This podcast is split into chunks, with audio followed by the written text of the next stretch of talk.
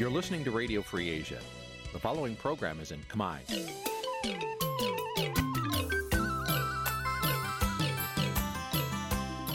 នេះជាកម្មវិធីផ្សាយ Vuthu Azizi Serai នេះជាកម្មវិធីផ្សាយរបស់ Vuthu Azizi Serai ជាភាសាខ្មែរ Vuthu Azizi Serai សូមស្វាគមន៍លោកអ្នកនាងទាំងអស់ពីរដ្ឋធានី Washington នៃសហរដ្ឋអាមេរិក ពីរដ្ឋធានី Washington ខ្ញុំបាទជាចំណានសូមជម្រាបសួរលោកអ្នកនាងអ្នកស្ដាប់ Vuthu Azizi Serai ទាំងអស់ជាទីមេត្រីយើងខ្ញុំសូមជូនការផ្សាយសម្រាប់ព្រឹកថ្ងៃច័ន្ទ9កើតខែមករាឆ្នាំឆ្លូវត្រីស័កពុទ្ធសករាជ2565ដែលត្រូវនៅថ្ងៃទី13ខែធ្នូគ្រិស្តសករាជ2021បាទជាដំបូងនេះសូមអញ្ជើញលោកអ្នកនាងស្ដាប់ព័ត៌មានប្រចាំថ្ងៃដែលមានមេត្តាដូចតទៅ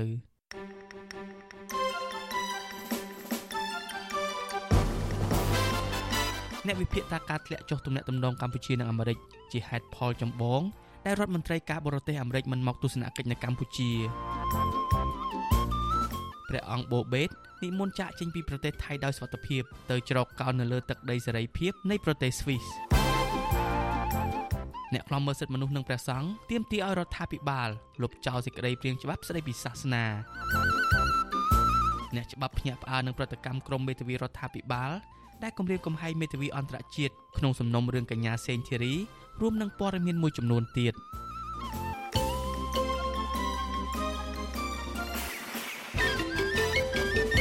បាទជាបន្តទៅទៀតនេះខ្ញុំបាទជាចំណានសូមជូនព័ត៌មានទាំងនេះពឹស្ដាបាទលោកអ្នកនាងជាទីមេត្រីអ្នកជំងឺ3អ្នកទៀតបានស្លាប់កាលពីថ្ងៃទី12ខែធ្នូដែលធ្វើឲ្យករណីស្លាប់ដោយសារតែជំងឺ Covid-19 កើនឡើងដល់2985អ្នកហើយក្រសួងសុខាភិបាលបានដឹងថា ក្នុងចំណោមអ្នកស្លាប់ទាំង3អ្នកនោះមាន2អ្នកមិនបានចាក់វ៉ាក់សាំងបង្ការជំងឺ Covid-19 នោះទេចំណែកករណីឆ្លងថ្មីវិញក្រសួងសុខាភិបាលប្រកាសថាមានចំនួន12អ្នកដែលជាលទ្ធផលបញ្ជាក់ដោយម៉ាស៊ីនពិសោធន៍ PCR គិតត្រឹមថ្ងៃទី12ខែធ្នូកម្ពុជាមានអ្នកកើតជំងឺ Covid-19 ប្រមាណ120,000នាក់ក្នុងនោះអ្នកជាសះស្បើយមានជាង110,000នាក់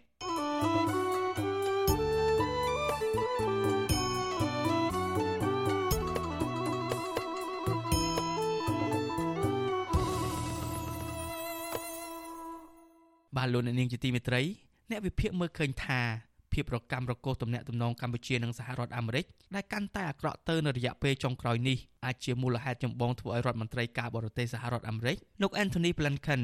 មិនមកទស្សនកិច្ចនៅកម្ពុជាបើទោះបីជាកម្ពុជាក្លាយជាប្រធានបដូវវេនអាស៊ានក្តីប្រធានក្រុមអ្នកវិភាគវ័យក្មេងកញ្ញាលីស្រីស្រស់មើលឃើញថា មានរឿងរ៉ាវពាក់ព័ន្ធមួយចំនួនដែលនាំឲ្យរដ្ឋមន្ត្រីការបរទេសសហរដ្ឋអាមេរិកមិនមកទស្សនកិច្ចនៅកម្ពុជាប៉ុន្តែជំនួសដោយអនុរដ្ឋមន្ត្រីការបរទេសនិងជាទីប្រឹក្សាក្រសួងការបរទេសកាលពីពេលកន្លងមកទៅវិញក្នុងនោះរួមមានការធ្លាក់ចុះដុនដាបនៃទំនាក់ទំនងរវាងកម្ពុជានិងអាមេរិកម្យ៉ាងទៀតដោយសារតែគោលដៅរបស់រដ្ឋមន្ត្រីការបរទេសអាមេរិកអាចសម្ដៅទៅលើប្រទេសស្ថាបនិកអាស៊ានក្នុងការពង្រឹងសន្តិសុខតំបន់បើមើលទូនាទីរបស់កម្ពុជាទាំងអធិបុល ទាំងសក្តានុពលសេដ្ឋកិច្ចទាំងសក្តានុពលនយោបាយមុខមាត់របស់កម្ពុជានៅក្នុងតំបន់ហ្នឹងគឺមិនទាន់មានភាពល្អប្រមាណពលសហរដ្ឋអាមេរិកនៅក្នុងការធ្វើទំនាក់ទំនងទេទោះបីជាកម្ពុជាជាប្រធានអាស៊ានក៏ដោយសហរដ្ឋអាមេរិកអាចនឹងជ្រើសរើសទៅលើប្រទេសដែលមានសក្តានុពលហើយក៏មានទំហំសេដ្ឋកិច្ចរបស់ខ្លួនហ្នឹងខ្លាំងហើយការជ្រើសរើសហ្នឹងអាចនឹងចំណុចមួយទៀតហ្នឹងតកតងជាមួយនឹង ទំនាក់ទំនងរបស់ចិនខ្ញុំគិតថាបើសិនជាសហរដ្ឋអាមេរិកមកងាកចាប់កម្ពុជាចង់មិនចង់កម្ពុជាអាចនឹងមានភាពប្រទាំងប្រទេសមួយចំនួនដែលมันអាចយល់ស្របគ្នាជាមួយនឹងអ្វីដែលសហរដ្ឋអាមេរិកយល់ស្រប ដោយទីប្រឹក្សារបស់ក្រសួងការបរទេសសហរដ្ឋអាមេរិកបានលើកចឹងអាមេរិកនិងកម្ពុជាគឺមានភាពបញ្យល់ស្របគ្នាទៅលើទស្សនវិជ្ជាខ្លះភាពបញ្យល់ស្របនេះហើយធ្វើឲ្យកម្ពុជាបាត់បង់ឱកាសនៅក្នុងការកំណត់របស់សហរដ្ឋអាមេរិកដែលជាដៃគូនៅក្នុងការបន្តយុទ្ធសាស្ត្រជួយគ្នាទៅវិញទៅមកទាំងផ្នែកនយោបាយនិងផ្នែកសេដ្ឋកិច្ចនៅក្នុងតំបន់ការលើកឡើងនេះស្របពេលដែលរដ្ឋមន្ត្រីការបរទេសអាមេរិកលោក Anthony Blinken បានចាប់ផ្ដើមទស្សនកិច្ចលើកដំបូងរបស់លោកទៅតំបន់អាស៊ីអាគ្នេយ៍នៅថ្ងៃច័ន្ទនេះរហូតដល់ថ្ងៃទី16ខែធ្នូខាងមុខ ក្រសួងការបរទេសអាមេរិកនឹងទៅទស្សនកិច្ចប្រទេសឥណ្ឌូនេស៊ីម៉ាឡេស៊ីនិងប្រទេសថៃដំណើរទស្សនកិច្ចនេះសម្ដៅពង្រឹងវិស័យសេដ្ឋកិច្ចរវាងសហរដ្ឋអាមេរិកនិងតំបន់អាស៊ីអាគ្នេយ៍និងពង្រឹងដៃគូយុទ្ធសាស្ត្រទប់ទល់នឹងឥទ្ធិពលរបស់ចិននៅតំបន់ Indo-Pacific សេចក្តីប្រកាសព័ត៌មានរបស់ក្រសួងការបរទេសអាមេរិកឲ្យដឹងថាលោក Anthony Blinken នឹងថ្លែងសារពីសារៈសំខាន់នៃតំបន់ Indo-Pacific ភាពជាដៃគូយុទ្ធសាស្ត្រអាមេរិកឥណ្ឌូនេស៊ី ការជំរុញភាពជាដៃគូរវាងសហរដ្ឋអាមេរិកនិងប្រទេសម៉ាឡេស៊ីនិងការបដិញ្ញាចិត្តរបស់អាមេរិកចំពោះសព័ន្ធភាពសន្ធិសញ្ញាអាមេរិកថៃ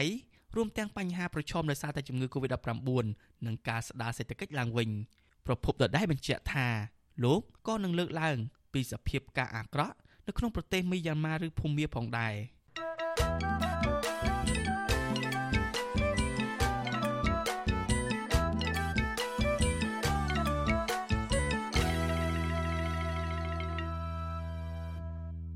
បាទលោកអ្នកនាងអ្នកស្ដាប់ជាទីមេត្រីក្រុមអង្គការសង្គមស៊ីវិលរំពឹងថាវត្តមានមន្ត្រីជាន់ខ្ពស់របស់សហរដ្ឋអាមេរិកនឹងអាចជំរុញឲ្យរដ្ឋាភិបាលកម្ពុជាគោរពសិទ្ធិមនុស្សនិងស្ដារលទ្ធិប្រជាធិបតេយ្យឡើងវិញជាពិសេសសេរីភាពជាមូលដ្ឋាន និងផលប្រយោជន៍របស់ពលរដ្ឋខ្មែរគ្រប់រូបពួកគាត់យកឃើញបែបនេះបន្ទាប់ពីទីប្រឹក្សាក្រសួងការបរទេសអាមេរិកលោក Dorrit Chollet បានជួបពិភាក្សាជាមួយនឹងអ្នកធ្វើការអង្គការសង្គមស៊ីវិលអ្នកសារព័ត៌មានឯករាជ្យនិងភាគីផ្សេងទៀត ដើម្បីចង់ដឹងពីទស្សនៈនិងបញ្ហាប្រឈមនៃការអនុវត្តសិទ្ធិនិងការងាររបស់ពួកគេកាលពីថ្ងៃទី10ខែធ្នូបាទលោកមូណារ៉េតរាយការណ៍ព័ត៌មាននេះក្រុមអង្គការសង្គមស៊ីវិលមានក្តីសង្ឃឹមខ្ពស់ថាដំណើរទស្សនកិច្ចរបស់ទីប្រឹក្សាក្រសួងការបរទេសអាមេរិកលោក Derek Charlotte នឹងអាចជួយឲ្យកម្ពុជាដើរទៅរកផ្លូវប្រជាធិបតេយ្យនិងការគ្រប់សិទ្ធិមនុស្សឡើងវិញ នាយករងទទួលបន្ទុកផ្នែកសិទ្ធិមនុស្សអង្គការលីកាដូលោកអំសំអាតថ្លែងប្រាប់វិទ្យុអាស៊ីសេរីនៅថ្ងៃទី12ខែធ្នូថាស្ថានភាពសិទ្ធិមនុស្សនិងលទ្ធិប្រជាធិបតេយ្យនៅកម្ពុជាបានធ្លាក់ចុះជាបន្តបន្ទាប់ដោយសារតែការធ្វើទុកបុកម្នេញលើសកម្មជនសិទ្ធិមនុស្សសកម្មជនសង្គមបរិស្ថានធនធានធម្មជាតិនយោបាយនិងសកម្មជនផ្សេងទៀតដែលមាននិន្នាការផ្ទុយពីរដ្ឋាភិបាលលោកមើលឃើញថាកន្លងមកមន្ត្រីជាន់ខ្ពស់អាមេរិក ដែលមកទស្សនកិច្ចនៅកម្ពុជាតែងតែយកចិត្តទុកដាក់និងផ្ដោតលើបញ្ហាទាំងអស់នេះលោកជឿថាក្រោយវត្តមានរបស់មន្ត្រីជាន់ខ្ពស់នៃក្រសួងការបរទេសអាមេរិកជាមួយនឹងភាគីពាក់ព័ន្ធនឹងអាចបន្ធូរបន្ថយភាពតានតឹងរវាងអាមេរិកនិងកម្ពុជា ជាពិសេសការរដ្ឋបတ်លើសិទ្ធិសេរីភាពប្រជាពលរដ្ឋនិងសិទ្ធិនយោបាយជាដើមនោះ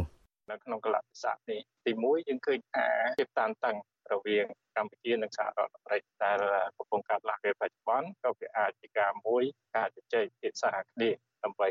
ស្វែងយល់ពីគ្នាទៅវិញទៅមកទៅលើករណីទាំងនេះហើយទី2គឺការជំរុញនិងការលើកកម្ពស់លទ្ធិជាតិបតៃនិងការគោរពសិទ្ធិមនុស្សនៅកម្ពុជា ស្រដៀងគ្នានេះដែរប្រធានផ្នែកកម្មវិធីស្រាវជ្រាវនឹងតស៊ូមតិនៃសមាគមបណ្ដាញយុវជនកម្ពុជា CYN លោកហេងកំហុងលើកឡើងថាបច្ចុប្បន្នអ្នកការពារបរិស្ថាននិងធនធានធម្មជាតិមិនមានសិទ្ធិពេញលេញដើម្បីបំពេញកិច្ចការងាររបស់ខ្លួនស្របតាមច្បាប់នោះទេពីព្រោះពួកគាត់ត្រូវរងការយាយីពីអាជ្ញាធរជាហូរហែហើយអ្នកខ្លះត្រូវទទួលរងការចាត់ប្រកាន់តាមប្រព័ន្ធតុលាការនិងចាប់ខ្លួនដាក់ពន្ធនាគារថែមទៀតផង យុវជនរូបនេះសង្កេតឃើញថាសហរដ្ឋអាមេរិកដើរតួនាទីយ៉ាងសំខាន់លើកិច្ចការងារទាំងនេះលោកសង្ឃឹមថាដំណើរទស្សនកិច្ចនេះនឹងជួយឲ្យរដ្ឋាភិបាលកម្ពុជាគិតគូរឡើងវិញនៅការរដ្ឋបတ်លើអង្គការសមាគមនិងអ្នកការពារបរិស្ថាននៅតាមសមាគមមូលដ្ឋានដោយងាកមករកការគោរពសិទ្ធិមនុស្សនិងលើកទឹកចិត្តឲ្យពួកគាត់ចូលរួមនៅក្នុងកិច្ចការការពារបរិស្ថានតទៅទៀត។ បាទដំណើរទស្សនកិច្ចទីប្រឹក្សារបស់សហរដ្ឋអាមេរិកមកកាន់ប្រទេសកម្ពុជាខ្ញុំរំពឹងទៅលើរឿងពីរទី1អាចចូលរួមជជែកនិងធ្វើការបើកចំហសិទ្ធិសេរីភាពឡើងវិញនៅក្នុងប្រទេសកម្ពុជាចំពោះការចូលរួមការពារធនធានធម្មជាតិសិទ្ធិមនុស្សហើយនិងការអនុវត្តសិទ្ធិសេរីភាពជាមួយឋានផ្សេងទៀតទី2ក៏រំពឹងដែរថានឹងមានភាពប្រសើរឡើងរវាងទំនាក់ទំនងកម្ពុជាអាមេរិកកាំងយើងឃើញថាមួយរយៈនេះមានការលើកឡើងមួយចំនួនរវាងរដ្ឋនិងរដ្ឋការដាក់ទណ្ឌកម្មអីហ្នឹងបាទជារឿងមួយមិនល្អនោះទេសម្រាប់ខ្ញុំក្នុងនាមជាពលរដ្ឋខ្មែរហើយខ្ញុំរំពឹងថានឹងមានការដោះស្រាយបញ្ហាទាំងអស់នេះហើយធ្វើឲ្យទំនាក់ទំនងមានភាពប្រក្រតីពេញលេញឡើងវិញការលើកឡើងនេះធ្វើឡើងបន្ទាប់ពីទីប្រឹក្សាក្រសួងការបរទេសអាមេរិកលោក Derek Charlotte កាលពីថ្ងៃទី10ខែធ្នូបានជួបជាមួយនឹងអ្នកធ្វើការងារផ្នែកសិទ្ធិមនុស្សប្រជាធិបតេយ្យអ្នកការពារសិទ្ធិការងារនិងអ្នកសារព័ត៌មានឯករាជ្យជាដើមដើម្បីចង់ដឹងអំពីទស្សនៈ និងបញ្ហាប្រឈមនៃការអនុវត្តសិទ្ធិនិងការងាររបស់ពួកគេនៅក្នុងជំនួបនោះលោកបញ្ជាក់ថាការលើកកម្ពស់ការគោរពសិទ្ធិមនុស្សគឺជាការងារស្នូលនៃគោលនយោបាយការបរទេសរបស់សហរដ្ឋអាមេរិកនៅក្នុងប្រទេសកម្ពុជានិងនៅជុំវិញពិភពលោកជាមួយគ្នានេះលោក Derek Charlotte បានយកចិត្តទុកដាក់ជាខ្លាំងអំពីបញ្ហាបរិស្ថាននិងធនធានទឹកនៅកម្ពុជាហើយលោកមានប្រសាសន៍ថាសហរដ្ឋអាមេរិកគឺជាដៃគូជាប់លាប់នៅក្នុងតំបន់ដែលបានផ្ដល់ការគាំទ្រដល់ការគ្រប់គ្រងធនធានធម្មជាតិនិងទឹកនេះ។ លោក Derek Charlotte ក៏បានឲ្យដឹងលើបណ្ដាញសង្គម Twitter របស់លោកកាលពីថ្ងៃទី11ខែធ្នូថាក្នុងជំនួបជាមួយនឹងក្រុមអ្នកសារព័ត៌មានពួកគេបានសាកសួរលោកអំពីវិបត្តិនៅក្នុងប្រទេសមីយ៉ាន់ម៉ាឬក៏ភូមាហើយនឹងទួលនីតិអ្វីខ្លះដែលអាស៊ានអាចធ្វើបានដើម្បីដោះស្រាយរឿងនេះ ទន្ទឹមនឹងនេះលោកគូបញ្ជាក់ថាសារព័ត៌មានសេរីនិងឯករាជ្យដើរតួនាទីសំខាន់សម្រាប់ភាពជោគជ័យនិងការរីកចម្រើននៃលទ្ធិប្រជាធិបតេយ្យទីភ្នាក់ងារសារព័ត៌មានអាមេរិក AP បានរាយការណ៍កាលពីថ្ងៃទី10ខែធ្នូថានៅក្នុងដំណើរទស្សនកិច្ចនោះទីប្រឹក្សាក្រសួងការបរទេសអាមេរិកក៏បានលើកឡើងសារជាថ្មីអំពីកង្វល់របស់អាមេរិកជំវិញការពាក់ព័ន្ធរបស់ចិនក្នុងគម្រោងអភិវឌ្ឍកំពង់ផែកងទ័ពជើងទឹករៀមនៅឯខេត្តបរសៃអនុ លោកគូបញ្ជាក់ថាសហរដ្ឋអាមេរិកចង់ឃើញកម្ពុជាបង្ហាញពីដំណាភាពចេតនាពិតប្រាកដនិងវិសាលភាពនៅក្នុងទំនាក់ទំនងជាមួយចិននៅក្នុងរឿងនេះព្រមទាំងថាតើចិនកំពុងតែធ្វើអ្វីខ្លះនៅឯកំពង់ផែកងទ័ពជើងទឹករៀមនោះ។ ក្រសួងការបរទេសកម្ពុជាពុំបានលើកឡើងអំពីចំណុចទាំងនេះនោះទេសេចក្តីប្រកាសព័ត៌មានរបស់ក្រសួងការបរទេសកម្ពុជាកាលពីថ្ងៃទី11ខែធ្នូថាទីប្រឹក្សាក្រសួងការបរទេសសហរដ្ឋអាមេរិកលោក Derek Charlotte បានអះអាងថាអាស៊ាន គឺជាចំណុចស្នូលសម្រាប់គោលនយោបាយការបរទេសរបស់សហរដ្ឋអាមេរិកនៅតំបន់ Indo-Pacific សេចក្តីប្រកាសព័ត៌មានដដែលថាជំនួបរវាងភាគីទាំងពីរបានពិភាក្សាគ្នាជាច្រើនជុំវិញអំពីទំនាក់ទំនងជាដៃគូសន្តិនិកអាស៊ាន និងសហរដ្ឋអាមេរិក រួមទាំងការឆ្លើយតបនឹងជំងឺ Covid-19 និងការស្ដារសេដ្ឋកិច្ចឡើងវិញក្រោយបញ្ចប់ជំងឺរាតត្បាតជាសកលនេះការបំពេញទស្សនកិច្ចរបស់ទីប្រឹក្សាក្រសួងការបរទេសសហរដ្ឋអាមេរិកស្របពេលដែលប្រទេសមហាអំណាចមួយនេះបានដាក់ទណ្ឌកម្មជាបន្តបន្ទាប់លើរដ្ឋាភិបាលកម្ពុជា និងមន្ត្រីយោធាជាន់ខ្ពស់កម្ពុជា ហើយនៅចុងក្រោយអាមេរិកបានបន្ថែមទណ្ឌកម្មថ្មីមួយទៀតគឺការដាក់ទណ្ឌកម្មរដ្ឋបិទអាវុធនិងសម្ភារៈយោធាមកឲ្យកម្ពុជា វិទ្យុអាស៊ីសេរីមិនទាន់អាចតតងប្រធានអង្គភិបអ្នកណែនាំពាក្យរដ្ឋាភិបាលលោកផៃស៊ីផាននិងអ្នកណែនាំពាក្យក្រសួងការបរទេសលោកកុយគួងដើម្បីបញ្ជាក់បន្ថែមជំរឿងនេះបានទេនៅថ្ងៃទី12ខែធ្នូដោយទូរស័ព្ទចូលតែពុំមានអ្នកទទួលសហគមន៍ជាតិនិងអន្តរជាតិបានវិតម្លៃអំពីការធ្លាក់ចុះដុនដាបនៃការគោរពសិទ្ធិមនុស្សនៅកម្ពុជា ទន្ទឹមនឹងការកំទេចដៃគូប្រជែងធំរបស់ខ្លួននេះរដ្ឋាភិបាលលោកហ៊ុនសែនក៏បានវិបង្ក្រាបឥតស្រាកស្រានទៅលើក្រុមអង្គការសង្គមស៊ីវិលសហជីពនិងស្ថាប័នព័ត៌មានឯករាជ្យផងដែរជាពិសេសការរឹតបន្តឹងសិទ្ធិសេរីភាពជាមូលដ្ឋានរបស់ប្រជាពលរដ្ឋទាំងនៅក្នុងសង្គមនិងនៅលើប្រព័ន្ធអ៊ីនធឺណិត កាលពីខែមិថុនាអនុរដ្ឋមន្ត្រីការបរទេសអាមេរិកអ្នកស្រី Wendy Sherman បានមកបំពេញទស្សនកិច្ចនៅកម្ពុជាដោយបញ្ជាក់ប្រាប់រដ្ឋាភិបាលឯកបៈលោកហ៊ុនសែនអំពីសារៈសំខាន់នៃសិទ្ធិមនុស្សនិងកិច្ចការពារសេរីភាពជាមូលដ្ឋាន ដែលជាគ្រឹះនៃទំនាក់ទំនងទ្វេភាគីរវាងប្រទេសទាំងពីរអ្នកស្រីបានជំរុញឲ្យរដ្ឋាភិបាលកម្ពុជាគោរពតាមការបដិញ្ញាចិត្តថ្នាក់ជាតិនិងអន្តរជាតិអំពីការគោរពសិទ្ធិមនុស្សហើយធានាឲ្យបានផងដែរនៅកិច្ចគាំពៀដល់សិទ្ធិកម្មករនិងនិយោជិត ជាងនេះទៅទៀតអ្នកស្រីបានអំពាវនាវដល់អាជ្ញាធរកម្ពុជាឲ្យទម្លាក់ចោលរាល់បទចោទប្រកាន់ដែលមានចរិតនយោបាយលើអ្នកនយោបាយប្រឆាំងអ្នកសារព័ត៌មាននិងសកម្មជនជាបន្ទាន់ម្យ៉ាងវិញទៀតអ្នកស្រីជំរុញឲ្យរដ្ឋាភិបាលបើកលំហនយោបាយនិងសិទ្ធិសេរីភាពរបស់ប្រជាពលរដ្ឋឡើងវិញនៅមុនការបោះឆ្នោតឃុំសង្កាត់ឆ្នាំ2022និងការបោះឆ្នោតតំណាងរាស្ត្រឆ្នាំ2023ខាងមុខព្រមទាំងធ្វើយ៉ាងណារក្សាអព្យាក្រឹតភាពនៅក្នុងគោលនយោបាយការបរទេសរបស់ខ្លួន។ ខ្ញុំបាទមុនណារ៉េត With you Azisari ប្រធានាទី Washington បាទលោកនាងជាទីមេត្រីអ្នកច្បាប់ភ្ញាក់ផ្អើលនឹងប្រតិកម្មរបស់ក្រមមេធាវីរដ្ឋាភិបាលលោកហ៊ុនសែនដែលចេញសេចក្តីថ្លែងការណ៍គម្រាមកំហែងដល់មេធាវីអន្តរជាតិជំវិញការបញ្ចេញមតិក្នុងពេលដែលខ្លំមើលភាពមិនប្រក្រតីក្នុងដំណើរការជំនុំជម្រះក្តីលើករណីកញ្ញាសេងធីរីបាទលោកនាងនឹងបានស្ដាប់ព័ត៌មានលម្អិតអំពីរឿងនេះនៅពេលបន្តិចទៀតនេះ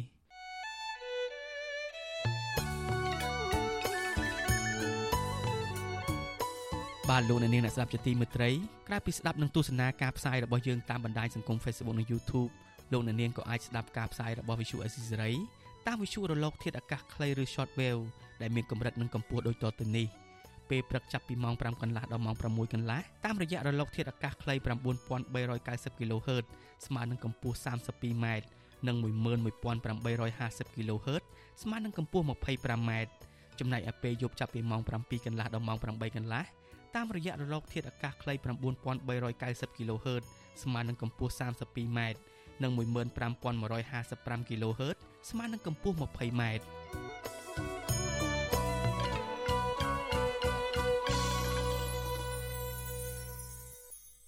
បាទលោកនាងជាទីមេត្រីព្រះអង្គបូបេតបាននិមន្តចាក់ចេញពីប្រទេសថៃដោយសុវត្ថិភាពហើយកាលពីយប់រំលងអាទិត្យថ្ងៃទី12ខែធ្នូពេលនេះព្រះអង្គកំពុងគង់នៅលើយន្តហោះ ដែលធ្វើដំណើរទៅកាន់ប្រទេសស្វីសដែលជាទឹកដីសេរីភាពដែលព្រះអង្គទទួលបានសិទ្ធិច្របកនផ្នែកនយោបាយព្រះអង្គមានសង្ឃដីកាប្រាប់វិសុអេស៊ីសេរីនៅមុនពេលនិមន្តឡើងយន្តហោះថានៅពេលនេះព្រះអង្គមានសុខភាពស្ទើរតែ100%ព្រះអង្គបញ្ជាក់ថាអាញាធនតោប្រវេសថៃបានអនុញ្ញាតឲ្យព្រះអង្គចាកចេញពីប្រទេសថៃក្រោយពីមានកិច្ចសម្របសម្រួលនិងការឃ្លាំមើលពីតំណាងស្ថានទូតស្វីសប្រចាំប្រទេសថៃការិយាល័យឧត្តមស្នងការអង្គការសហប្រជាជាតិទទួលបន្ទុកសិទ្ធិជនភៀសខ្លួន និងអង្គការឃ្លាំមើលសិទ្ធិមនុស្សអន្តរជាតិ Human Rights Watch ព្រះអង្គបូបេតមានសង្កេតការថានៅពេលដែលព្រះអង្គទៅដល់ទឹកដីស្វីសព្រះអង្គនឹងនិមន្តទៅគង់នៅវត្តជាមួយនឹងប្រតិជនគុណលួនសវ៉ាតព្រះអង្គបញ្ញាថាព្រះអង្គ នឹងបន្តធ្វើសកម្មភាពចូលរួមជួយសង្គមកម្ពុជាដដែលបើទោះបីជាព្រះអង្គទៅដល់ប្រទេសស្វីសក៏ដោយចំណាប់អារម្មណ៍អាត្មាពេលនេះបានន័យថានិយាយទៅអាត្មានៅតែរឿងមុំនៅតែរឿងមុំដដែលហើយក៏សប្បាយចិត្តដែរដោយសារបើសិនតែយើងរស់នៅលើទឹកដីថៃទេគេទៅចាប់បញ្ជូនយើងទៅស្រុកខ្មែរក៏អាចទុកជាងគេទុកអាត្មានៅបានយ៉ាងយូរទៅមួយខែដាច់ខែនេះអញ្ចឹងណាហើយ ដល់ពេលខាងទូតខាងអង្គការហើយគេជំរុញឲ្យលើមើលថាចំណាប់អារម្មណ៍ពេលនេះសប្បាយចិត្តតែការងារដែលយើងធ្លាប់ធ្វើកន្លងមកការតស៊ូមតិការពីប្រតិឈើហើយនឹងបញ្ហាដីធ្លីនៅស្រុកខ្មែរជាដើមជាពិសេសគឺបញ្ហាស្ថានភាពនយោបាយមិនន័យថាអាត្មានៅតែចូលរួមនៅតែតាមដាននៅតែនិយាយនៅតែទៅសេផុសតាមបណ្ដាញសង្គម Facebook ដើម្បីទៅតិចច្រើនយ៉ាងណាតែអាត្មានៅតែបញ្ចេញមតិនៅតែបញ្ចេញមតិពីពីនឹងមក ព្រះអង្គបូបេតថ្លែងអំណរគុណដល់ប្រទេសស្វីសដែលបានយល់ព្រមទទួលយកព្រះអង្គទៅជ្រកកោននៅលើទឹកដីរបស់ខ្លួនព្រះអង្គក៏បានថ្លែងអំណរគុណដល់អង្គការជាតិនិងអន្តរជាតិ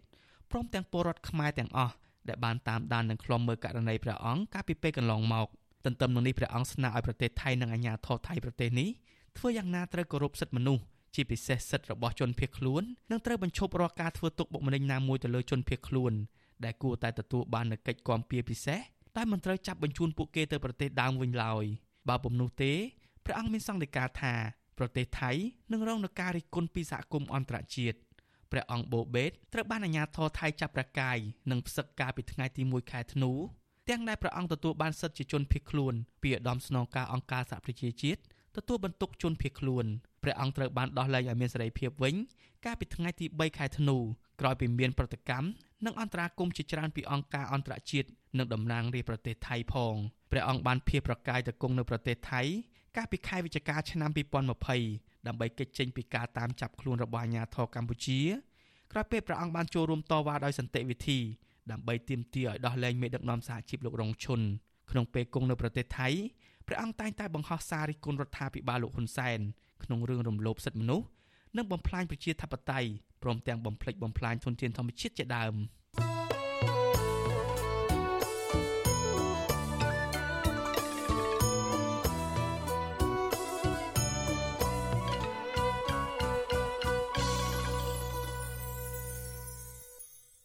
បាទលោកអ្នកនាងជាទីមេត្រី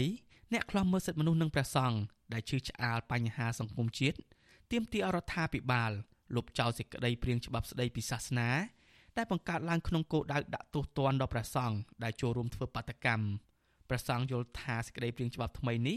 ប៉ះពាល់ដល់សិទ្ធិរបស់ព្រះសង្ឃធ្ងន់ធ្ងរនិងផ្ទុយពីរដ្ឋធម្មនុញ្ញបានអ្នកស្រីសុជីវីរាយការណ៍អំពីរឿងនេះអ្នកខ្លាំមើលសិទ្ធិមនុស្សនិងព្រះសង្ឃមួយចំនួនទាមទាររដ្ឋាភិបាលលុបចោលសេចក្តីព្រាងច្បាប់ស្តីពីសាសនាព្រោះមាត្រាមួយចំនួននៅក្នុងសេចក្តីព្រាងច្បាប់ថ្មីនេះ មានលក្ខណៈបំពានលើសិទ្ធិរបស់ព្រះសង្ឃមិនឲ្យចូលរួមសកម្មភាពសង្គមនិងនយោបាយអ្នកខ្លាំមើលសិទ្ធិមនុស្សនៃអង្គការ Liga do លោកអំសម្បត្តិយល់ថាក្រៅពីតួនាទីគោរពប្រតិបត្តិសាសនាព្រះសង្ឃក៏មានតួនាទីសំខាន់ផងដែរក្នុងការអប់រំមនុស្សឲ្យដើរលើផ្លូវល្អព្រមទាំងចូលរួមក្នុងកិច្ចការសង្គមផ្សេងផ្សេងៗលោកបន្តថាច្បាប់ស្តីពីសាសនានេះមិនគួរអនុម័តនោះទេ ព្រោះជាការរឹតបន្តឹងសិទ្ធិសេរីភាពរបស់ព្រះសង្ឃយ៉ាងពិតប្រាកដក្នុងការចូលរួមសកម្មភាពសង្គមហើយចំពោះការកំណត់ទោសទណ្ឌវិញ គឺមានលក្ខណៈធ្ងន់ធ្ងរមិនអាចទទួលយកបានអត់មានច្បាប់ណាមួយហាមប្រសង់ តទៅនៅលើជីវភាពនយោបាយទេគឺព្រោះកន្លងមកយើងឃើញប្រសងមានសិទ្ធិនៅការបោះឆ្នោតអីជាដើមអញ្ចឹងវាអត់មានអីហាមទេហើយបើសិនជាពុទ្ធអវាទឬក៏នៅក្នុងធម៌ប្រពុតក៏ដូចជាអត់មានហាមឃាត់ទាក់ទងនឹងបញ្ហាទាំងអស់ផងដែរវាជាសេរីភាពរបស់មនុស្សប្រសងក៏ជាមនុស្សដូចគ្នាការលើកឡើងនេះគឺបន្ទាប់ពីក្រសួងធម្មការនិងសាសនា កំពុងរៀបចំសេចក្តីព្រាងច្បាប់ថ្មីស្តីពីសាសនាក្នុងប្រជាណាចក្រកម្ពុជា ដែលមានមេត្រាមួយចំនួនហាម5មិនឲ្យព្រះសង្ឃចូលរួមធ្វើបាតុកម្មឬតវ៉ាអ្វីមួយឡើយដំបូងឡើយសេចក្តីព្រាងច្បាប់នេះត្រង់មេត្រា35ចែងថាព្រះសង្ឃព្រះពុទ្ធសាសនា ដែលមានចេតនាចូលរួមធ្វើបាតុកម្មកោតកម្មកុបកម្មដើម្បីប្រឆាំងឬប្រឆាំងនឹងគណៈបកនយោបាយណាមួយ ត្រូវផ្តន្ទាទោសដាក់ពន្ធនាគារពី7ទៅដល់15ឆ្នាំដោយមិនគិតពីទោសដទៃទៀតដែលមានចែងនៅក្នុងក្រមព្រហ្មទណ្ឌកម្ពុជាប៉ុន្តែក្រោយមកដោយសារមានការរិះគន់ច្រើនទើបមានការកែប្រែត្រង់មាត្រា35នេះឡើងវិញដោយដាក់ថា បុព្វជិតសាសនាទាំងអស់ធ្វើសកម្មភាពចូលរួមបាតកម្មកោតកម្មកុបកម្មដើម្បីប្រឆាំងនឹងអាញាធរសាធារណៈនិងរាជរដ្ឋាភិបាលត្រូវផ្ដន្ទាទោសដាក់ពន្ធនាគារពី6ខែដល់5ឆ្នាំដោយមិនគិតពីទោសដទៃទៀតដែលមានចែងនៅក្នុងក្រមព្រហ្មទណ្ឌព្រះសង្ឃមួយអង្គដែលតែងចូលរួមការតវ៉ាយ៉ាងសកម្មជាមួយសកម្មជនដីធ្លីនិងផ្ទះសម្បែងនិងធ្លាប់ទទួលបានពានរង្វាន់ផ្នែកសិទ្ធិមនុស្សផងនោះ ប្រដេចប្រគុណលួនសាវ៉ាតបានបង្ហោះសាររិះគន់លើបណ្ដាញសង្គម Facebook កាលពីថ្ងៃទី9ខែធ្នូថា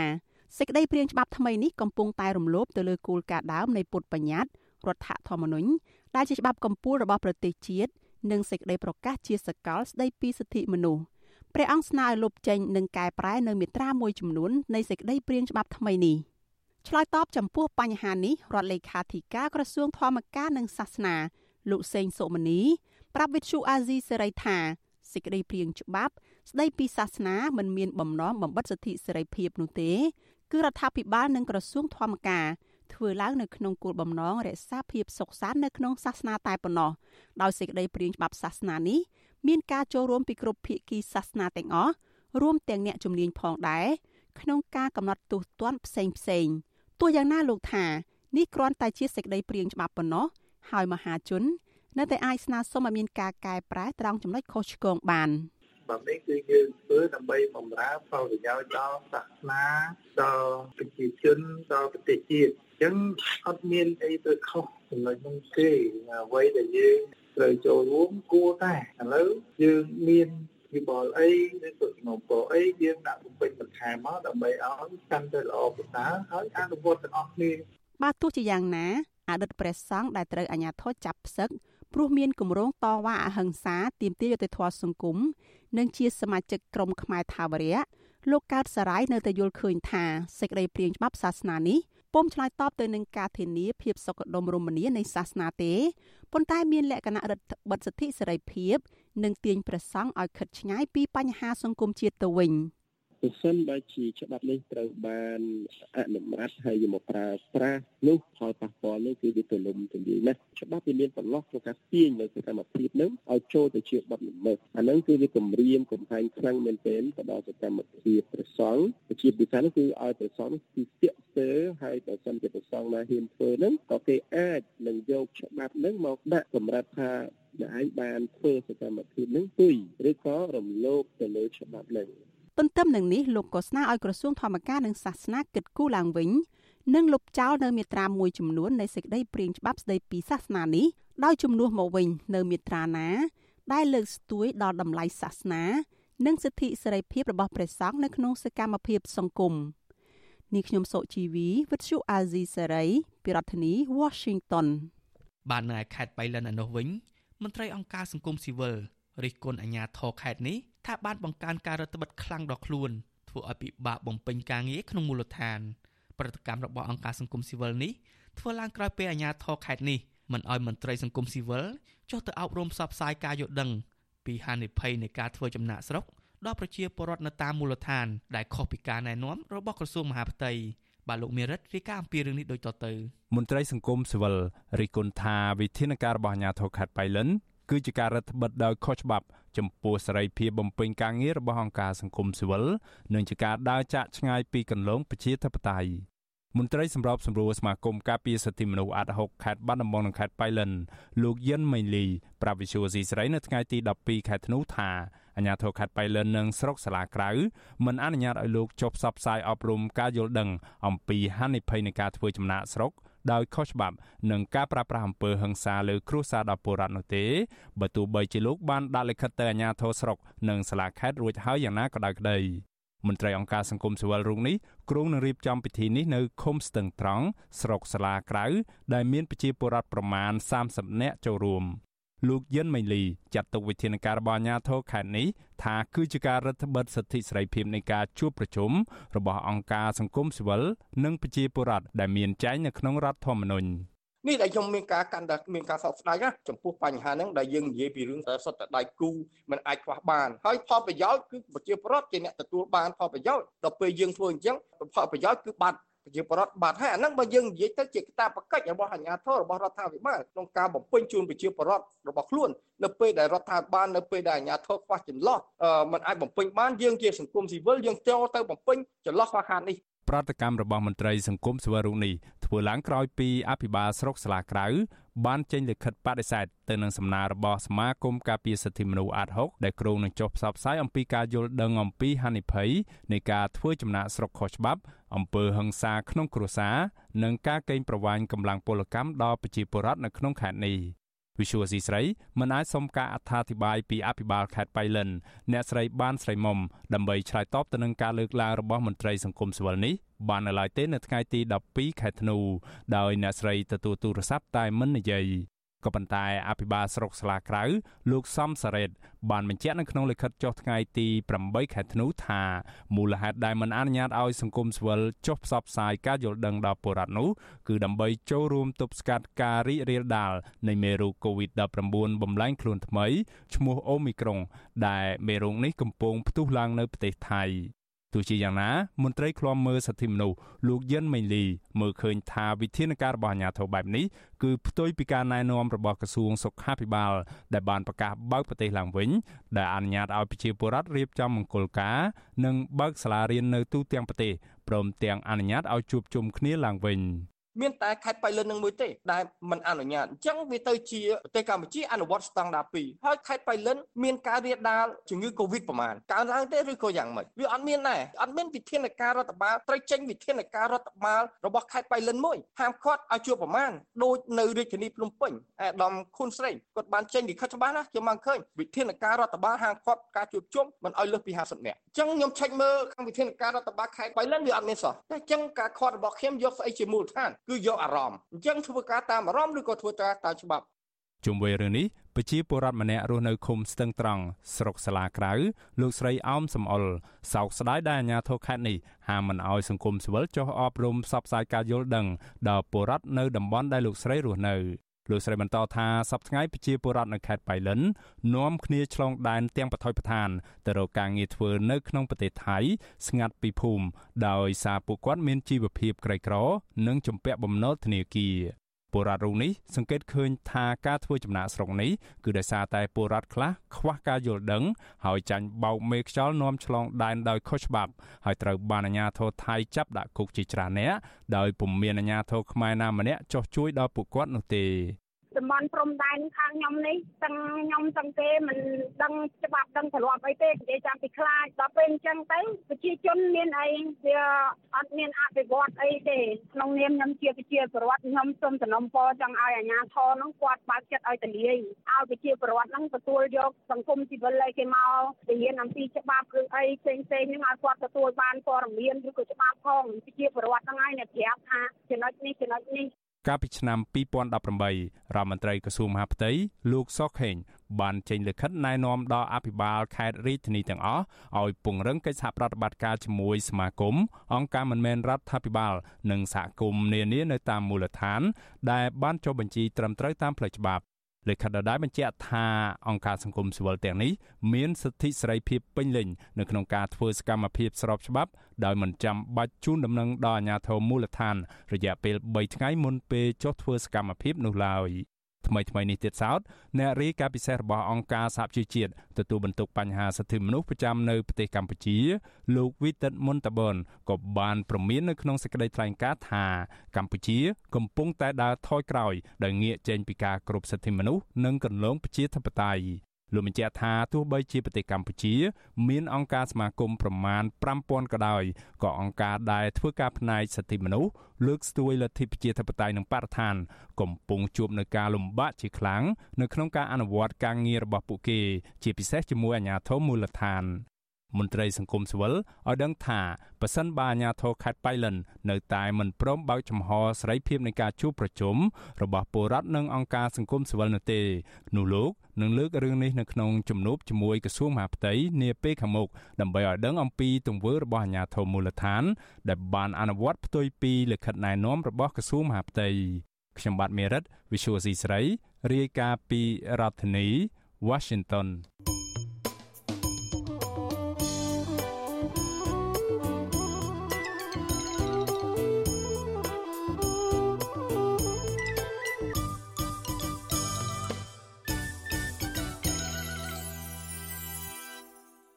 បាទលោកអ្នកនាងជាទីមេត្រីអ្នកច្បាប់ភ្ញាក់ផ្អើលនឹងព្រឹត្តិកម្មរបស់ក្រមមេធាវីរដ្ឋាភិបាលលោកហ៊ុនសែនដែលចេញសេចក្តីថ្លែងការណ៍គម្រាមកំហែងដល់មេធាវីអន្តរជាតិជំវិញការបញ្ចេញមតិក្នុងពេលដែលឃ្លាំមើលភាពមិនប្រក្រតីក្នុងដំណើរការជំនុំជម្រះក្តីលើករណីកញ្ញាសេងធីរីបាទលោកមួនណារ៉េតមានសេចក្តីរាយការណ៍លម្អិតមួយទៀតអំពីរឿងនេះ មេធាវីជាតិយល់ស្របគ្នាថាការបញ្ចេញមតិរបស់សាធារណជនទូទៅ ដែលបានតាមដានសវនាការនៅក្នុងសំណុំរឿងព្រហ្មទណ្ឌអ្វីមួយ គឺជាសិទ្ធិបញ្ចេញមតិរបស់ពួកគាត់ ទៅតាមការយល់ឃើញព្រោះសវនាការនោះបើកជាសាធារណៈក៏ប៉ុន្តែនៅពេលដែលការបញ្ចេញមតិនេះរងការគំរាមកំហែងពីក្រុមមេធាវីរដ្ឋាភិបាលពួកគាត់ថានេះគឺជារឿងប្លែកដែលមិនធ្លាប់មានលោកមេធាវីសេកសោភ័ណ្ឌនៃការិយាល័យមេធាវី Rise in Business ថាជាទូទៅមេធាវីអាចមានមតិយោបល់តែចំពោះសំណុំរឿងដែលខ្លួនកាន់កាប់តែប៉ុណ្ណោះក៏ប៉ុន្តែលោកថានៅក្នុងរឿងក្តីរវាងតឡាការនិងកញ្ញាសេងធីរីនោះអត់មានមេធាវីរដ្ឋាភិបាលមកកាន់សំណុំរឿងនឹងនោះទេដូច្នេះលោកថាការបញ្ចេញមតិណាមួយរបស់មេធាវីអន្តរជាតិនៅក្នុងសំណុំរឿងនេះគឺគ្រាន់តែជាការយល់ឃើញរបស់មេធាវីបរទេសរូបនោះក្នុងនាមជាអ្នកតាមដានសវនាការតែប៉ុណ្ណោះប៉ុន្តែដល់រឿងនេះក៏គ្រាន់តែមកសង្កេតតាសង្កេតមើលហើយក៏ យល់ឃើញតែប៉ុណ្្នឹងហើយពីព្រោះសាវនាការជាសាវនាការសាធារណៈបាទអញ្ចឹងគេមើលឃើញគេមានមតិមានយោបល់អីរឿងទទួលយកមិនទទួលយកជារឿងរបស់តុលាការតាប៉ុន្តែសាធារណជនមានសិទ្ធិចូលមើលហើយមើលឃើញ មានសិទ្ធិយល់មានសិទ្ធិថាតាបាទអញ្ចឹងវាមានអីទៅពាក់ព័ន្ធរឿងសំណុំរឿងមានពាក់ព័ន្ធអីដាក់សម្ពាធអីដូចគ្នានេះដែរមេធាវីជាតិមួយរូបទៀត ក៏ភ្ញាក់ផ្អើលទៅនឹងសេចក្តីថ្លែងការណ៍របស់ក្រុមមេធាវីរដ្ឋាភិបាលលោកហ៊ុនសែននេះដែរព្រោះលោកយល់ថាគ្រាន់តែការបញ្ចេញមតិរបស់មេធាវីអន្តរជាតិមួយរូបដែលមិនមែនជាមេធាវីនៅក្នុងរឿងក្តីនេះផងហេតុអ្វីក្រុមមេធាវីរដ្ឋាភិបាលយល់ថាអាចប៉ះពាល់ដល់រឿងក្តីនេះបានលោកមេធាវីសុកសំអឿនដែលជាប្រធានក្រុមអ្នកច្បាប់អមរិនថាអ្វីដែលលោកបារម្ភនោះគឺសម្ដីរបស់មេដឹកនាំប្រទេសទៅវិញទេ ដែលនិយាយប៉ះពាល់ដល់ដំណើរការក្តីជាហោហែមកហើយនោះគាត់មិនមានអធិបុលអីទេ គាត់ជាទស្សនៈមួយរបស់មនុស្សអ្នកដែលគេសង្កេតការមើលណាបើសម្ដីអ្នកដែលមានអធិបុលអ្នកមានអំណាចអីនិយាយទៅកាន់អាហ្នឹងបានអាចមានអធិបុលហើយគាត់គាត់ជាមេធាវីជនបរទេសម្នាក់នេះគ្មានអធិបុលអីផងក្រុមមេធាវីរដ្ឋាភិបាលលោកហ៊ុនសែនចាត់ទុកមេធាវីអន្តរជាតិជនជាតិអាមេរិក លោក Jared Genser ថាជាមនុស្សមានឥទ្ធិពលខ្លាំងរហូតចេញសេចក្តីថ្លែងការណ៍គម្រាមកំហែងដល់អ្នកច្បាប់រូបនេះថែមទៀតផងក្រុមមេធាវីរដ្ឋាភិបាលកម្ពុជាកាលពីថ្ងៃទី8ខែធ្នូបានចេញសេចក្តីថ្លែងការណ៍មួយចោទប្រកាន់លោក Jared Genser ថាបានប្រព្រឹត្តអំពើបំពានច្បាប់នៅកម្ពុជាដោយសារតែលោកពមៀនថារដ្ឋាភិបាលលោកហ៊ុនសែននឹងមានបញ្ហាបើហ៊ានឲ្យកញ្ញាសេងធារីជាប់ទោស ក្រុមមេធាវីដដែលបានចោទលោក Jared Gunser ថាតាំងខ្លួនជាមេធាវីអន្តរជាតិនិងធ្វើសកម្មភាពនៅក្នុងដែនយុតាធិការឬដែនសមត្ថកិច្ចកម្ពុជាដោយគ្មានបំពេញលក្ខខណ្ឌដែលតម្រូវដោយច្បាប់កម្ពុជានិងចោទថាការបញ្ចេញមតិនោះមានចរិតនយោបាយនិងបំពានរដ្ឋអធិបតេយ្យនិងមានគោលដៅគំរាមកំហែងដល់ឯករាជ្យរបស់តុលាការកម្ពុជាជាដើមក្រុមមេធាវីរដ្ឋាភិបាលបន្ថែមថាពួកគេបានដឹងព័ត៌មាននេះ តាមរយៈសារព័ត៌មានបរទេសមួយ ដែលផ្សព្វផ្សាយជាភាសាខ្មែរនិងចោទសារព័ត៌មាននោះថាមានចរិតបំភ្លៃនិងបំផ្លាស់ផ្ទុយពីការពិតនៅកម្ពុជាបើទោះបីជាក្រុមមេធាវីនេះមិនហៅឈ្មោះសារព័ត៌មាននោះក្តីក៏អត្ថបទដែលផ្សាយមានចំណងជើងនោះគឺមានចុះផ្សាយតែតាមវិទ្យុអាស៊ីសេរីជាភាសាខ្មែរតែប៉ុណ្ណោះ។ មេធាវីអន្តរជាតិលោក Jared Genser ក្រោយពីធ្វើដំណើរមកដល់ទឹកដីអាមេរិកវិញកាលពីថ្ងៃទី10ខែធ្នូបានឆ្លើយតបទៅនឹងការចោទប្រកាន់ទាំងនេះដោយចាត់ទុកថាជាការចោទប្រកាន់គួរឲ្យអស់សំណើចខ្វះវិជ្ជាជីវៈនិងគំរាមកំហែងដល់រូបលោកលោកថាលោកទៅស្រុកខ្មែរកាលពីសប្តាហ៍មុននោះគឺទៅដើម្បីផ្ដល់កម្លាំងចិត្តដល់កញ្ញាសេងធីរីដែលជាមិត្តរួមថ្នាក់ កាលនៅរៀនសាកលវិទ្យាល័យជាមួយគ្នានិងលោកស្ម័គ្រចិត្តជួយផ្ដល់ការប្រឹក្សាផ្នែកច្បាប់ដែលឥតគិតថ្លៃនៅក្នុងនាមជាមេធាវីអន្តរជាតិមួយរូប លោកបានបញ្ជាក់ថាលោកមិនមានវិញ្ញាបនបត្រប្រកបវិជ្ជាជីវៈមេធាវីនៅក្នុងតុលាការកម្ពុជានោះឡើយហើយលោកក៏មិនដែលអះអាងថាលោកនឹងផ្ដល់ប្រឹក្សាផ្នែកច្បាប់ក្នុងក្របខ័ណ្ឌច្បាប់កម្ពុជានោះដែរក៏ប៉ុន្តែលោកមិនយល់ទាល់តែសោះហេតុអ្វីបានជាក្រុមមេធាវីរដ្ឋាភិបាលរករឿងលោករឿងឋានៈលោកជាមេធាវីអន្តរជាតិនោះព្រោះលោកបានការពារកូនក្តីជាច្រើនដែលជាអ្នកទស្សនយោបាយលើឆាកអន្តរជាតិ អ្វីដែលលោកមិនយល់មួយទៀតនោះគឺថាបើក្រុមមេធាវីរបស់រដ្ឋាភិបាលចោទថាសារព័ត៌មានបរទេសគឺវិទ្យុអាស៊ីសេរីថាមានចរិតបំភ្លៃនិងបំផ្លាស់ផ្ទុយពីការពិតនៅកម្ពុជា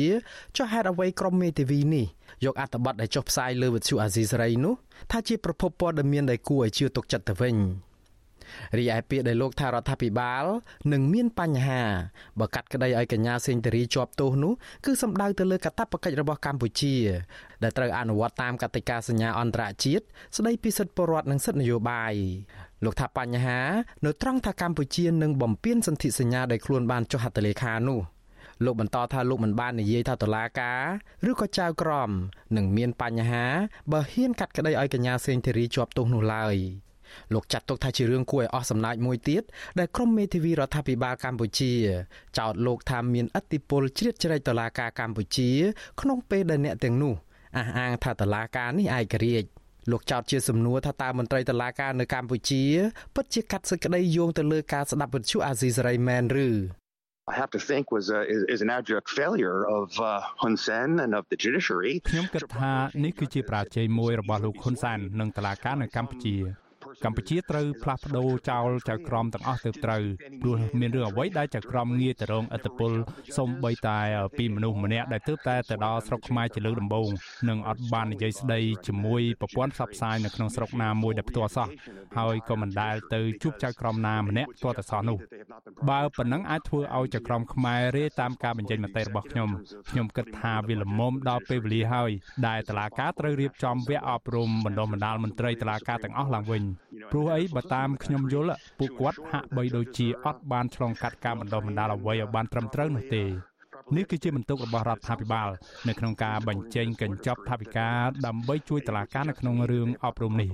រដ្ឋាភិបាលហើយនិងតឡាការកម្ពុជាក៏មានការទទួលខុសត្រូវនៅក្នុងរឿងនេះដែរដើម្បីធ្វើយ៉ាងណាឲ្យចៅក្រមនិងព្រាញ្ញាទទួលបានការបណ្ដុះបណ្ដាលនិងអប់រំត្រឹមត្រូវឡើងវិញព្រោះអីបើតាមអ្វីដែលក្រមមេធាវីរដ្ឋាភិបាលបានលើកឡើងនេះគឺមន្ត្រីទាំងអស់នោះអត់បានទទួលការអប់រំត្រឹមត្រូវនោះឡើយ At least according to this lawyers group that they're not ជាមួយគ្នានេះដែរលោក Jared Genser ថាក្រមមេធាវីរដ្ឋាភិបាលមានភាពកំសាកនិងខ្វះវិជ្ជាជីវៈនៅក្នុងការចេញសេចក្តីថ្លែងការណ៍ដោយលាក់ព័ត៌មានអំពីលេខទំនាក់ទំនងរបស់ក្រមមេធាវីនេះវិទ្យុអាស៊ីសេរីបានព្យាយាមសុំការបំភ្លឺពីលោកគីតិចដែលជាប្រធានក្រុមមេធាវីរដ្ឋាភិបាលលោកហ៊ុនសែនកាលពីថ្ងៃទី12ខែធ្នូជំវិញរឿងនេះដែរក៏ប៉ុន្តែនៅមិនទាន់បានទទួលការឆ្លើយតបណាមួយនៅឡើយ លោក Jared Gunser កាលពីថ្ងៃទី8ខែធ្នូបានឃ្លាំមើលដំណើរការជំនុំជម្រះក្តីដោយផ្ទាល់នៅកម្ពុជាក្នុងសំណុំរឿងកញ្ញាសេងធីរីដែលត្រូវបានចោទប្រកាន់ពីបទរួមគំនិតក្បត់និងញុះញង់ដោយសារតែការបញ្ចេញមតិគាំទ្រដំណើរមាតុភូមិនិវត្តរបស់ប្រធានស្ដីទីគណៈបកសង្គ្រោះជាតិលោកសំរងស៊ី ភ្លាមនោះលោក Jared Genser ក៏សម្គាល់ឃើញការបំពេញនីតិវិធីយ៉ាងសម្បើមហើយលោកហៅការកាត់ក្តីនេះថាជាសវនាការឆាក់លខោននយោបាយលោកបានប្រមានថាបើកម្ពុជាហ៊ានកាត់ក្តីឲ្យកញ្ញាសេងធីរីមានទោសដោយសារតែហេតុផលនយោបាយបែបនេះនោះរដ្ឋាភិបាលកម្ពុជានឹងមានបញ្ហាសារនេះហើយដែលធ្វើឲ្យក្រុមមេធាវីរដ្ឋាភិបាលលោកហ៊ុនសែនទ្រាំមិនបានរហូតចេញសេចក្តីថ្លែងការណ៍គំរាមដល់លោក នេះជាលើកទី1ហើយដែលក្រុមមេធាវីរដ្ឋាភិបាលលោកហ៊ុនសែនធ្វើហាក់ដូចជាយកចិត្តទុកដាក់ខ្លាំងលើសារឬក៏ការអត្ថាធិប្បាយជាសាធារណៈដែលក្រុមនេះអះអាងថាប៉ះពាល់ដល់ឯករាជ្យរបស់តុលាការកម្ពុជានោះក៏ប៉ុន្តែកន្លងមកលោកនាយរដ្ឋមន្ត្រីហ៊ុនសែនថ្លែងសារជាសាធារណៈរាប់មិនអស់ ដែលប៉ះពាល់ដល់ដំណើរការក្តីដូចជាករណីសំណុំរឿងប្រធានគណៈបកសង្គ្រោះជាតិលោកកឹមសុខានិងសកម្មជនសង្គមនិងនយោបាយជាច្រើនផ្សេងទៀតក៏ប៉ុន្តែមិនដែលមានប្រតិកម្មពីក្រមមេធាវីរបស់រដ្ឋាភិបាលនេះនោះឡើយកម្ពុជា បន្តជាប់លេខនៅបាតតារាងអន្តរជាតិស្ទើរតែរៀងរាល់ឆ្នាំ ថាជាប្រទេសគ្មាននីតិរដ្ឋឬពូកែខាងរំលោភច្បាប់ជាងគេនៅលើពិភពលោកខ្ញុំបាទមុងណារ៉េត With you Aziz Ray ប្រធានាទី Washington បាទ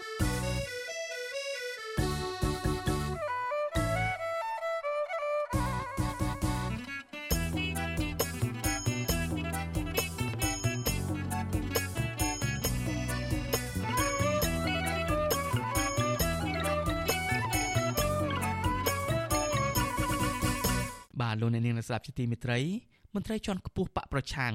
និងអ្នកតាមដានស្ថានភាពនយោបាយលើកឡើងថាលោកនាយរដ្ឋមន្ត្រីហ៊ុនសែនកំពុងប្រើវិធីគម្រាមកំហែងដាក់សម្ពាធនិងលួងលោមមន្ត្រីជាន់ខ្ពស់ក្នុងគណៈបកប្រជាជនកម្ពុជាឲ្យបោះឆ្នោតគ្រប់គ្រងបេក្ខភាពកូនប្រុសច្បងរបស់លោកជានាយករដ្ឋមន្ត្រី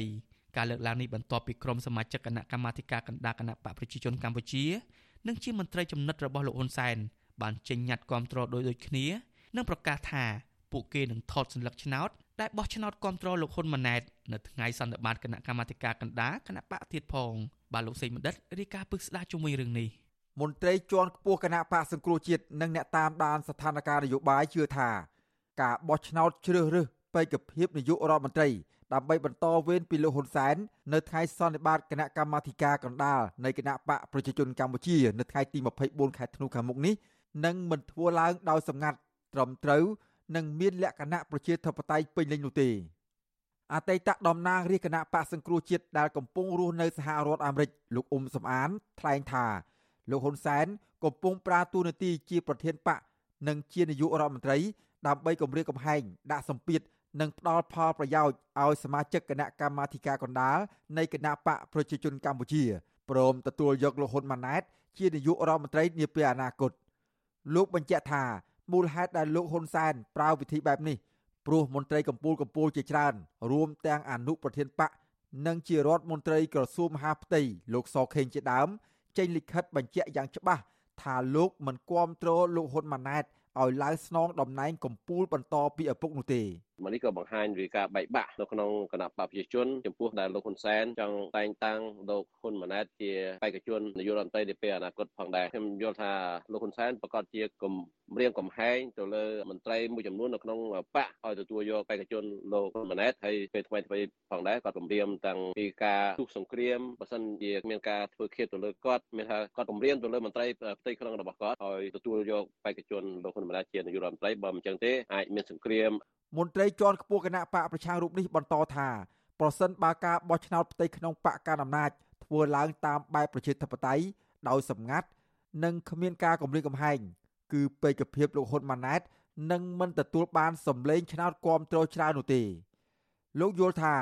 ក្រមមន្ត្រីកម្ពុជាកម្ពុជាភៀកច្រើននៃគណៈបកកណ្ដាលអំណាចក៏មិនចង់ឲ្យលោកហ៊ុនម៉ាណែត បន្តមរតកដឹកនាំបែបផ្ដាច់ការតវងត្រកូលដោយករណីប្រទេសកូរ៉េខាងជើងដែរ។ មន្ត្រីក្នុងគណៈជនគេគ្រប់គ្រងលោកសខេងច្រើនជាងចង់ឲ្យលោកសខេងជានាយករដ្ឋមន្ត្រីបន្តពីលោកហ៊ុនសែនច្រើនជាងក៏ប៉ុន្តែលោកហ៊ុនសែនគាត់មិនព្រមគាត់ចង់ឲ្យកូនគាត់ជានាយករដ្ឋមន្ត្រីបន្តពីគាត់ព្រោះដើម្បីអីដើម្បីការពារនៅថ្ងៃក្រោយទៅកុំឲ្យមានការកាត់ទោសទៅលើលោកហ៊ុនសែនព្រោះលោកហ៊ុនសែនបាត់ដៃប្រឡាក់ឈាមដូច្នេះគាត់អត់ទុកចិត្តសំបីតែមន្ត្រីក្នុងបករបស់គាត់ក៏អត់ទុកចិត្តផងដែរជាមួយគ្នានេះអគ្គលេខាធិការសហព័ន្ធនិស្សិតបញ្ញវន្តកម្ពុជាលោកគៀនពុនលោកលើកឡើងថា តាមរយៈការប្រកាសរបស់លោកនាយករដ្ឋមន្ត្រីហ៊ុនសែនជាបន្តបន្ទាប់នឹងការចេញលិខិតរបស់រដ្ឋមន្ត្រីក្រសួងមហាផ្ទៃលោកសខេងប្រហែលជាផ្ទៃក្នុងគណៈបកកណ្ដាលអំណាច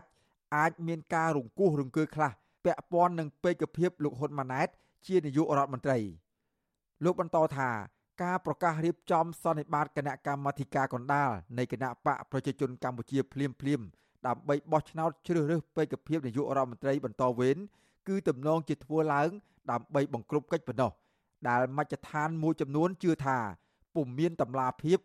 និងប្រជាធិបតេយ្យផ្ទៃក្នុងបកនោះឡើយ។ យើងដឹងហើយថាលោកនាយករដ្ឋមន្ត្រីហ៊ុនសែនជានាយករដ្ឋមន្ត្រីផងហើយជាមនុស្សដែលមានអធិបុលខ្លាំងជាងគេនៅក្នុងគណៈបកប្រជាជនអញ្ចឹងបើគាត់ប្រកាសគ្រប់គ្រងបេក្ខភាពនាយករដ្ឋមន្ត្រីរូបណាហើយសមាជិកគណៈបកមិនអាចធ្វើការបដិសេធបានទេព្រោះអំណាចចង្វាត់ទៅហើយអញ្ចឹងយើងអាចទស្សន៍ទាយបានមុនទៅហើយថាបេក្ខភាពនាយករដ្ឋមន្ត្រីនៅក្នុងសន្និបាតថ្ងៃ24ខែធ្នូឆ្នាំ2021នេះមិនមាននរណាក្រៅពីឧត្តមសេនីយ៍ហ៊ុនម៉ាណែតទេដែលជានាយករដ្ឋមន្ត្រីបន្តវេន ការបញ្ចេញទស្សនៈបែបនេះគឺបន្ទាប់ពីលោកនាយករដ្ឋមន្ត្រីហ៊ុនសែនបានប្រកាសកាលពីថ្ងៃទី9ធ្នូថាគណៈបកប្រជាជនកម្ពុជានឹងរៀបចំធ្វើសន្និបាតគណៈកម្មាធិការកណ្ដាលគណៈបកនៅថ្ងៃទី24ខែធ្នូខាងមុខនេះដើម្បីជ្រើសរើសពេកភាពនាយករដ្ឋមន្ត្រីបន្តវេនពីលោកទន្ទឹមគ្នានេះក្រុមអ្នកដែលទទួលផលប្រយោជន៍ឬក្រុមរណបលោកហ៊ុនសែននិងក្រុមមន្ត្រីក្រាក់ក្រាក់មួយចំនួនក្នុងគណៈបកប្រជាជនកម្ពុជា បានចេញញត្តិដែលមានខ្លឹមសារដូចដូចគ្នាគាំទ្រពេកភាពលោកហ៊ុនម៉ាណែត តាមការប្រកាសរបស់លោកហ៊ុនសែនលើពីនេះសមាជិកគណៈកម្មាធិការកណ្ដាលគណៈបកប្រជាជនកម្ពុជា ដែលហែហោមលោកហ៊ុនម៉ាណែតនោះ បានប្រកាសលើ Facebook ថាពួកគេនឹងថតសម្លេងឆ្នោតគាំទ្រដើម្បីទុកជាប្រវត្តិសាស្ត្រនៃដំណើរជីវិតនយោបាយនៅកម្ពុជាទៀតផងមន្ត្រីជំនិតរបស់លោកហ៊ុនម៉ាណែតទាំងនោះ រួមមានរដ្ឋលេខាធិការក្រសួងយុទ្ធភ័ពលោកកឹមសន្តិភាពរដ្ឋលេខាធិការក្រសួងកាងារលោកហេងសួររដ្ឋលេខាធិការក្រសួងទំនាក់ទំនងជាមួយរដ្ឋសភា ព្រឹទ្ធសភា និងអធិការកិច្ចលោកហួតហាក់រដ្ឋលេខាធិការក្រសួងការពារជាតិអ្នកស្រីដាំដារីនីនិងអភិបាលរងរាជធានីភ្នំពេញលោកមានច័ន្ទយ៉ាដាជាដើមអ្នកនាំពាក្យគណៈបកកណ្ដាលអំណាចលោកសុកអេសានថ្លែងថា លោកមិនទាន់ដឹងអំពីរបៀបវិរៈនៃកិច្ចប្រជុំគណៈកម្មាធិការកណ្ដាលគណៈបកនៅថ្ងៃទី24ខែធ្នូនោះទេហើយលោកក៏មិនទាន់អាចបញ្ជាក់អំពីបេក្ខភាពផ្សេងទៀតក្រៅពីលោកហ៊ុនម៉ាណែតឡើយទោះយ៉ាងណាលោកបញ្ជាក់ថាការបោះឆ្នោតជ្រើសរើសបេក្ខភាពនាយករដ្ឋមន្ត្រីនឹងធ្វើឡើងជាការសម្ងាត់ដូច្នេះมันអាចថតបានទេ អានេះគឺថាបោះឆ្នោតជាសម្ងាត់គេមានលីសបញ្ជីរាយនាមបើថាយល់ព្រមគេថាយល់ព្រមបើមិនមិនយល់ព្រមគេគូមិនយល់ព្រមអាហ្នឹងរបៀបបោះឆ្នោតវាអញ្ចឹងបាទអាហ្នឹងបោះឆ្នោតជាសម្ងាត់ដូច្នេះអត់មានការថតទុកឯកសារអីទេបាទគេចែកត្រឡឹកឆ្នោតទៅឲ្យគូសឲ្យគេប្រមូលយកវិញហើយដើម្បីរាប់ត្រឡឹកឆ្នោតហ្នឹងគណៈបកប្រជាជនកម្ពុជា មានសមាជិកគណៈកម្មាធិការកណ្ដាលជិត900នាក់ក្នុងនោះ34នាក់ជាសមាជិកគណៈអចិន្ត្រៃយ៍ ដែលជាក្បាលម៉ាស៊ីនដឹកនាំរបស់គណៈបកលោកនាយករដ្ឋមន្ត្រីហ៊ុនសែនជាប្រធាន លោកហេងសំរិន ជាប្រធានកិត្តិយសលោកសខេង និងលោកសាយឈុំជាអនុប្រធានគណៈបករីឯលោកហ៊ុនម៉ាណែត គឺជាសមាជិកគណៈអចិន្ត្រៃយ៍ផង និងជាប្រធានចលនាយុវជនរបស់គណៈបកផងអ្នកតាមដានស្ថានភាពនយោបាយលោកគៀនពន្លកលើកឡើងថាប្រសិនបើមន្ត្រីជំនិតរបស់លោកហ៊ុនម៉ាណែត ពិតជាថតសន្លឹកឆ្នោតដែលបោះគំត្រលោកហ៊ុនម៉ាណែតដោយការប្រកាសរបស់ពួកគេមែនបង្ហាញថា ការបោះឆ្នោតនោះគ្មានលក្ខណៈសម្ងាត់ត្រឹមត្រូវនិងប្រជាធិបតេយ្យឡើយ។ នេះគ្រាន់តែជាយុទ្ធសាស្ត្រនយោបាយដែលគាត់លើកឡើងក្នុងការលើកជើងលោកឧត្តមសេនីយ៍ហ៊ុនម៉ាណែតហើយជាពិសេសដើម្បីឲ្យអ្នកដទៃទៀតហ្នឹងធ្វើតាមគាត់ក៏ប៉ុន្តែបើតាមបែបបទនៃជាធិបតេយ្យនៅក្នុងការបោះឆ្នោតផ្ទៃក្នុងរបស់គណៈបកណាមួយគេមិនធ្វើបែបហ្នឹងទេបាទការបោះឆ្នោតបេក្ខភាពនាយករដ្ឋមន្ត្រីនៅក្នុងគណៈបកណាមួយគឺគេធ្វើការសម្រេចដោយមហាសន្និបាតការបោះឆ្នោតដោយសម្ងាត់បាទមិនមែនឲ្យអ្នកដទៃដឹងឮបែបនេះទេលោកហ៊ុនសែនបានប្រកាសជារឿយៗថា លោកគាំទ្រកូនប្រុសច្បងរបស់លោក ជាបេក្ខភាពនាយករដ្ឋមន្ត្រីក្នុងចំណោមបេក្ខភាពផ្សេងទៀតចំណែកលោកសខេងវិញ បានចេញលិខិតមួយកាលពីថ្ងៃទី7ខែធ្នូបញ្ជាក់ជំហររបស់លោកថាការជ្រើសរើសបេក្ខភាពនាយករដ្ឋមន្ត្រីនាពេលអនាគតលោកក៏នឹងគោរពតាមការសម្រេចរបស់គណៈបកប្រជាជនកម្ពុជា លោកសខេងបានបញ្ជាក់ថាលោកគាំទ្របេក្ខភាពលោកហ៊ុនម៉ាណែតដោយមន្ត្រីផ្សេងផ្សេងទៀតនោះទេ ទោះជាយ៉ាងណា អ្នកតាមដានស្ថានភាពនយោបាយលើកឡើងថាលោកហ៊ុនសែនគឺជាបុគ្គលមានអំណាចធំជាងគេ ទាំងក្នុងជួរបកនិងរដ្ឋាភិបាលដូច្នេះនៅពេលដែលលោកគាំទ្រកូនរបស់លោកបែបនេះលទ្ធផលក៏នឹងចេញមកយ៉ាងនោះដែរព្រោះការបោះឆ្នោតទាំងនៅផ្ទៃក្នុងបកនិងការបោះឆ្នោតជាតិគ្រាន់តែធ្វើឡើងបង្ក្រប់កិច្ចប៉ុណ្ណោះក៏ប៉ុន្តែអ្នកខ្លំមើលនិងមន្ត្រីគណៈបកប្រឆាំងជឿថាលោកហ៊ុនម៉ាណែតនឹងមិនទទួលបានការពេញចិត្ត ឬគ្រប់គ្រងពីប្រជាពលរដ្ឋនិងប្រទេសដែលនិយមប្រជាធិបតេយ្យនោះទេព្រោះលោកហាក់មានចរិតផ្ដាច់ការដោយឪពុក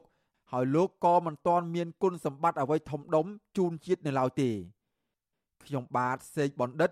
វិទ្យុអាស៊ីសេរីពីរដ្ឋធានីវ៉ាស៊ីនតោន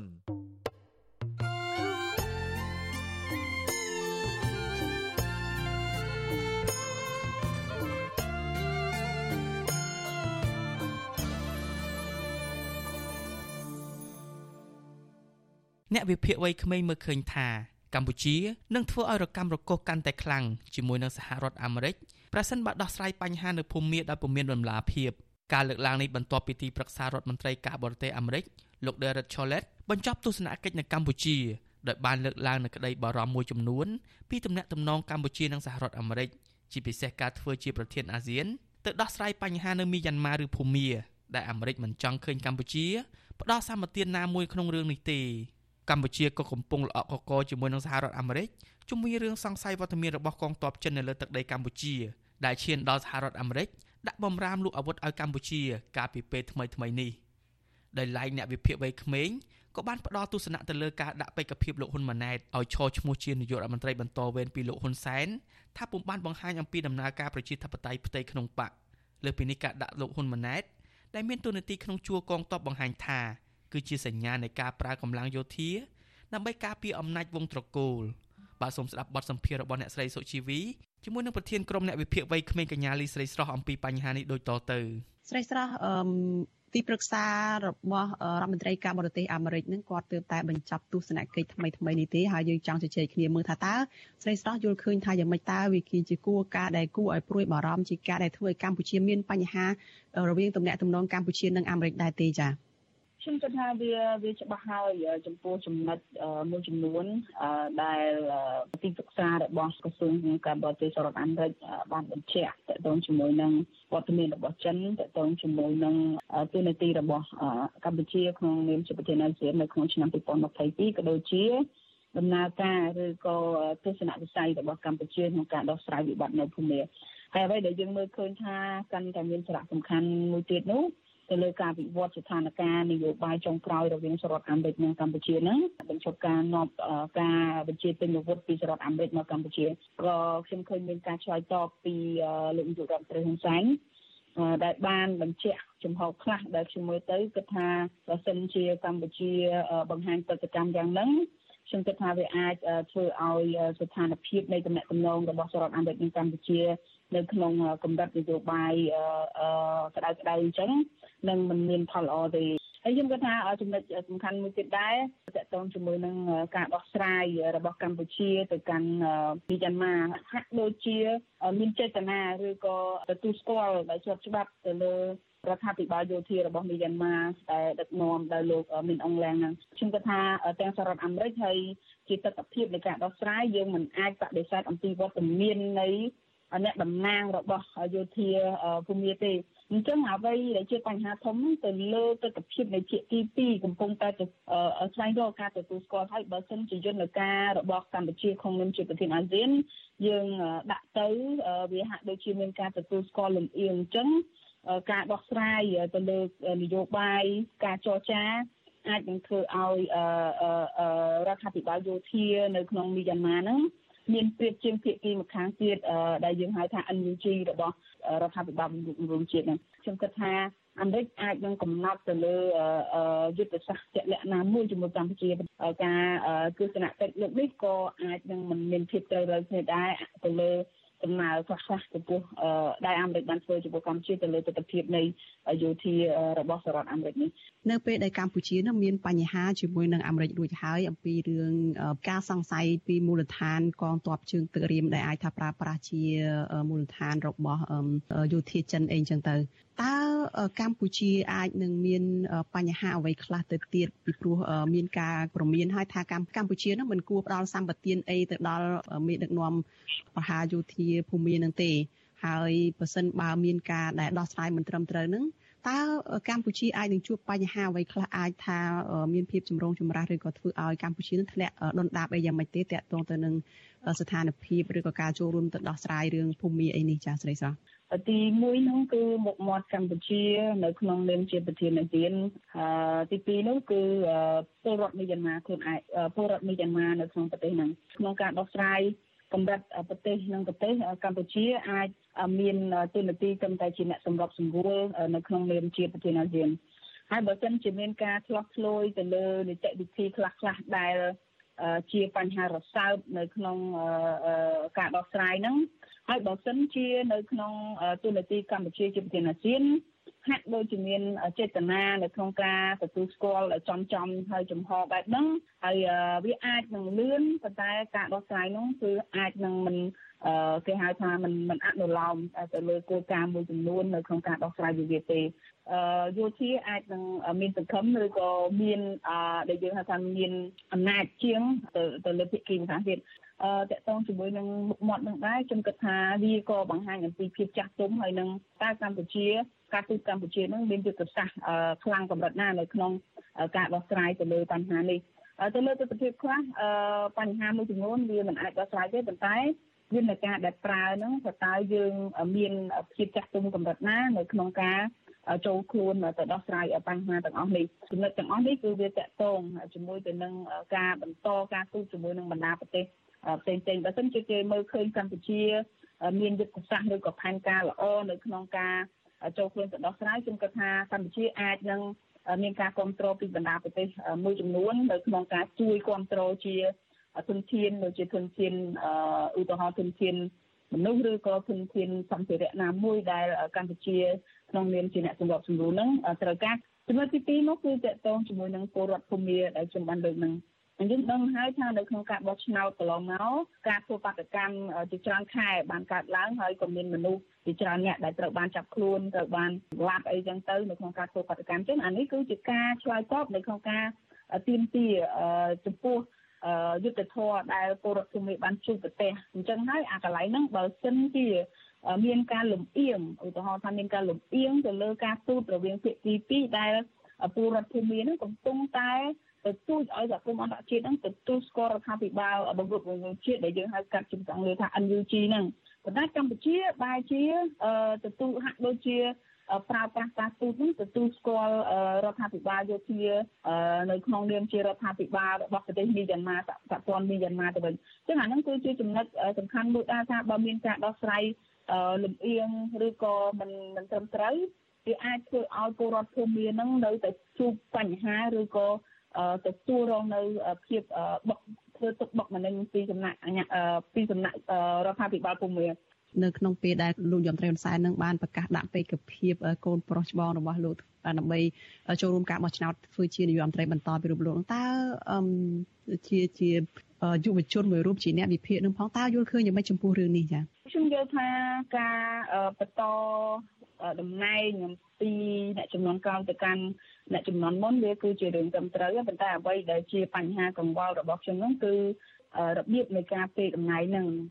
របៀបមួយដែលយើងមើលឃើញទៅលើការប្រកាសគ្រប់គ្រងឲ្យមានការគ្រប់គ្រងទៅលើបេក្ខភាព ប៉ុន្តែជាពិតការសម្រេចហ្នឹងគឺចេញពីមហាសន្និបាតរបស់បកទេប៉ុន្តែហាក់ដូចជាមានការប្រកាសមុនអញ្ចឹងការធ្វើអញ្ចឹងអាចនឹងធ្វើឲ្យសមាជិកផ្សេងដែលមានបេក្ខភាពនាយករដ្ឋមន្ត្រីក្នុងចិត្តហ្នឹងក៏មិនហ៊ាននៅក្នុងការបោះឆ្នោតទទួលស្គាល់អ្នកផ្សេងក្រៅពីលោកហ៊ុនម៉ាណែតដែរខ្ញុំគិតថាការបង្ហាញអញ្ចឹងក៏វាបង្ហាញអំពីភាពដែលមិនជាធិបតេយ្យនៅក្នុងបកដែរព្រោះកន្លងមកហ្នឹងយើងបានឃើញការសន្យាខ្លះថា នឹងមានការបង្ហោះទៅលុបឆ្នោតគ្រប់គ្រងលោកហ៊ុនម៉ាណែតជាសាធារណៈខ្ញុំគិតថាការលើកឡើងអញ្ចឹងគឺមិនមែនជាការត្រឹមត្រូវទេហើយក៏មិនមែនជាការអនុវត្តប្រជាធិបតេយ្យនៅក្នុងបកក្នុងក្នុងបកប្រជាជនកម្ពុជាផងដែរអញ្ចឹងអានោះគឺជាចំណុចសំខាន់ទៅលើតម្លាភាពហើយនិងប្រជាធិបតេយ្យនៅក្នុងបកចំណុចទី2ខ្ញុំគិតថាបើយើងមើលអំពីតំណែងរបស់លោកហ៊ុនម៉ាណែតជាឧត្តមសេនីយ៍មានន័យថាមានទួនាទីជាន់ខ្ពស់នៅក្នុងកងយុទ្ធពលខេមរៈភូមិន្ទប៉ុន្តែបើយើងមើលនៅក្នុងប្រព័ន្ធប្រទេសដែលប្រជាធិបតេយ្យមួយចំនួនការដែលប្រកាសតែកភាពឬក៏ការចូលនៅក្នុងវិស័យនយោបាយហ្នឹងគឺគេមិនមែនចាប់ផ្ដើមអំពីខាងជួរកងទ័ពទេគឺគេចាប់ផ្ដើមអំពីការធ្វើកិច្ចការងាររដ្ឋបាលឬក៏ចូលរួមប្រឡូកនៅក្នុងកិច្ចការងារនយោបាយដោយផ្ទាល់ ប៉ុន្តែនៅកម្ពុជាអនាគតក៏ដូចជាអ្នកបន្តវេនក្នុងនាមជានាយករដ្ឋមន្ត្រីហ្នឹងគឺក៏សពថ្ងៃកំពុងតែមានទូនាទីនៅក្នុងជួរកងទ័ពហ្នឹងគឺជាចំណុចមួយសំខាន់ដែលខ្ញុំគិតថាបន្តវេននេះវាអាចនឹងជាការអាចនឹងឈានដល់ការប្រើប្រាស់យកកងទ័ពអីហ្នឹងគឺជាឧបករណ៍នៅក្នុងការការពារអំណាចរបស់ខ្លួនពីព្រោះថាបើសិនជា ការបន្តតំណែងដែលត្រឹមត្រូវមួយនោះគឺគួរតែលោកនាយករដ្ឋមន្ត្រីហ៊ុនសែនគួរតែផ្ដាច់អំពីទូនាទីរបស់លោកហ៊ុនម៉ាណែតនៅក្នុងជួរកងទ័ពទៅដើម្បីកុំឲ្យមានការប្រើប្រាស់កងយោធានៅក្នុងការរក្សាអំណាចរបស់ខ្លួនដើម្បីធ្វើជានាយករដ្ឋមន្ត្រីឬក៏ធ្វើជាមន្ត្រីជាន់ខ្ពស់ណាមួយនៅក្នុងជួររដ្ឋាភិបាលចាសូមអរគុណស្រីស្រះហើយជំរាបលាត្រឹមប៉ុណ្ណេះចាសូមអរគុណបាទលោកអ្នកនាងទើបតែបានស្ដាប់បទសម្ភាសន៍រវាងអ្នកស្រីសុជីវីនិងប្រធានក្រុមអ្នកវិភាគវ័យក្មេងកញ្ញាលីស្រីស្រស់ អំពីលទ្ធផលដំណើរទស្សនកិច្ចរបស់ទីប្រឹក្សារដ្ឋមន្ត្រីការបរទេសអាមេរិកលោក Derek Challet និងទស្សនៈជុំវិញការដាក់លោកហ៊ុនម៉ាណែតជាបេក្ខភាពនាយករដ្ឋមន្ត្រី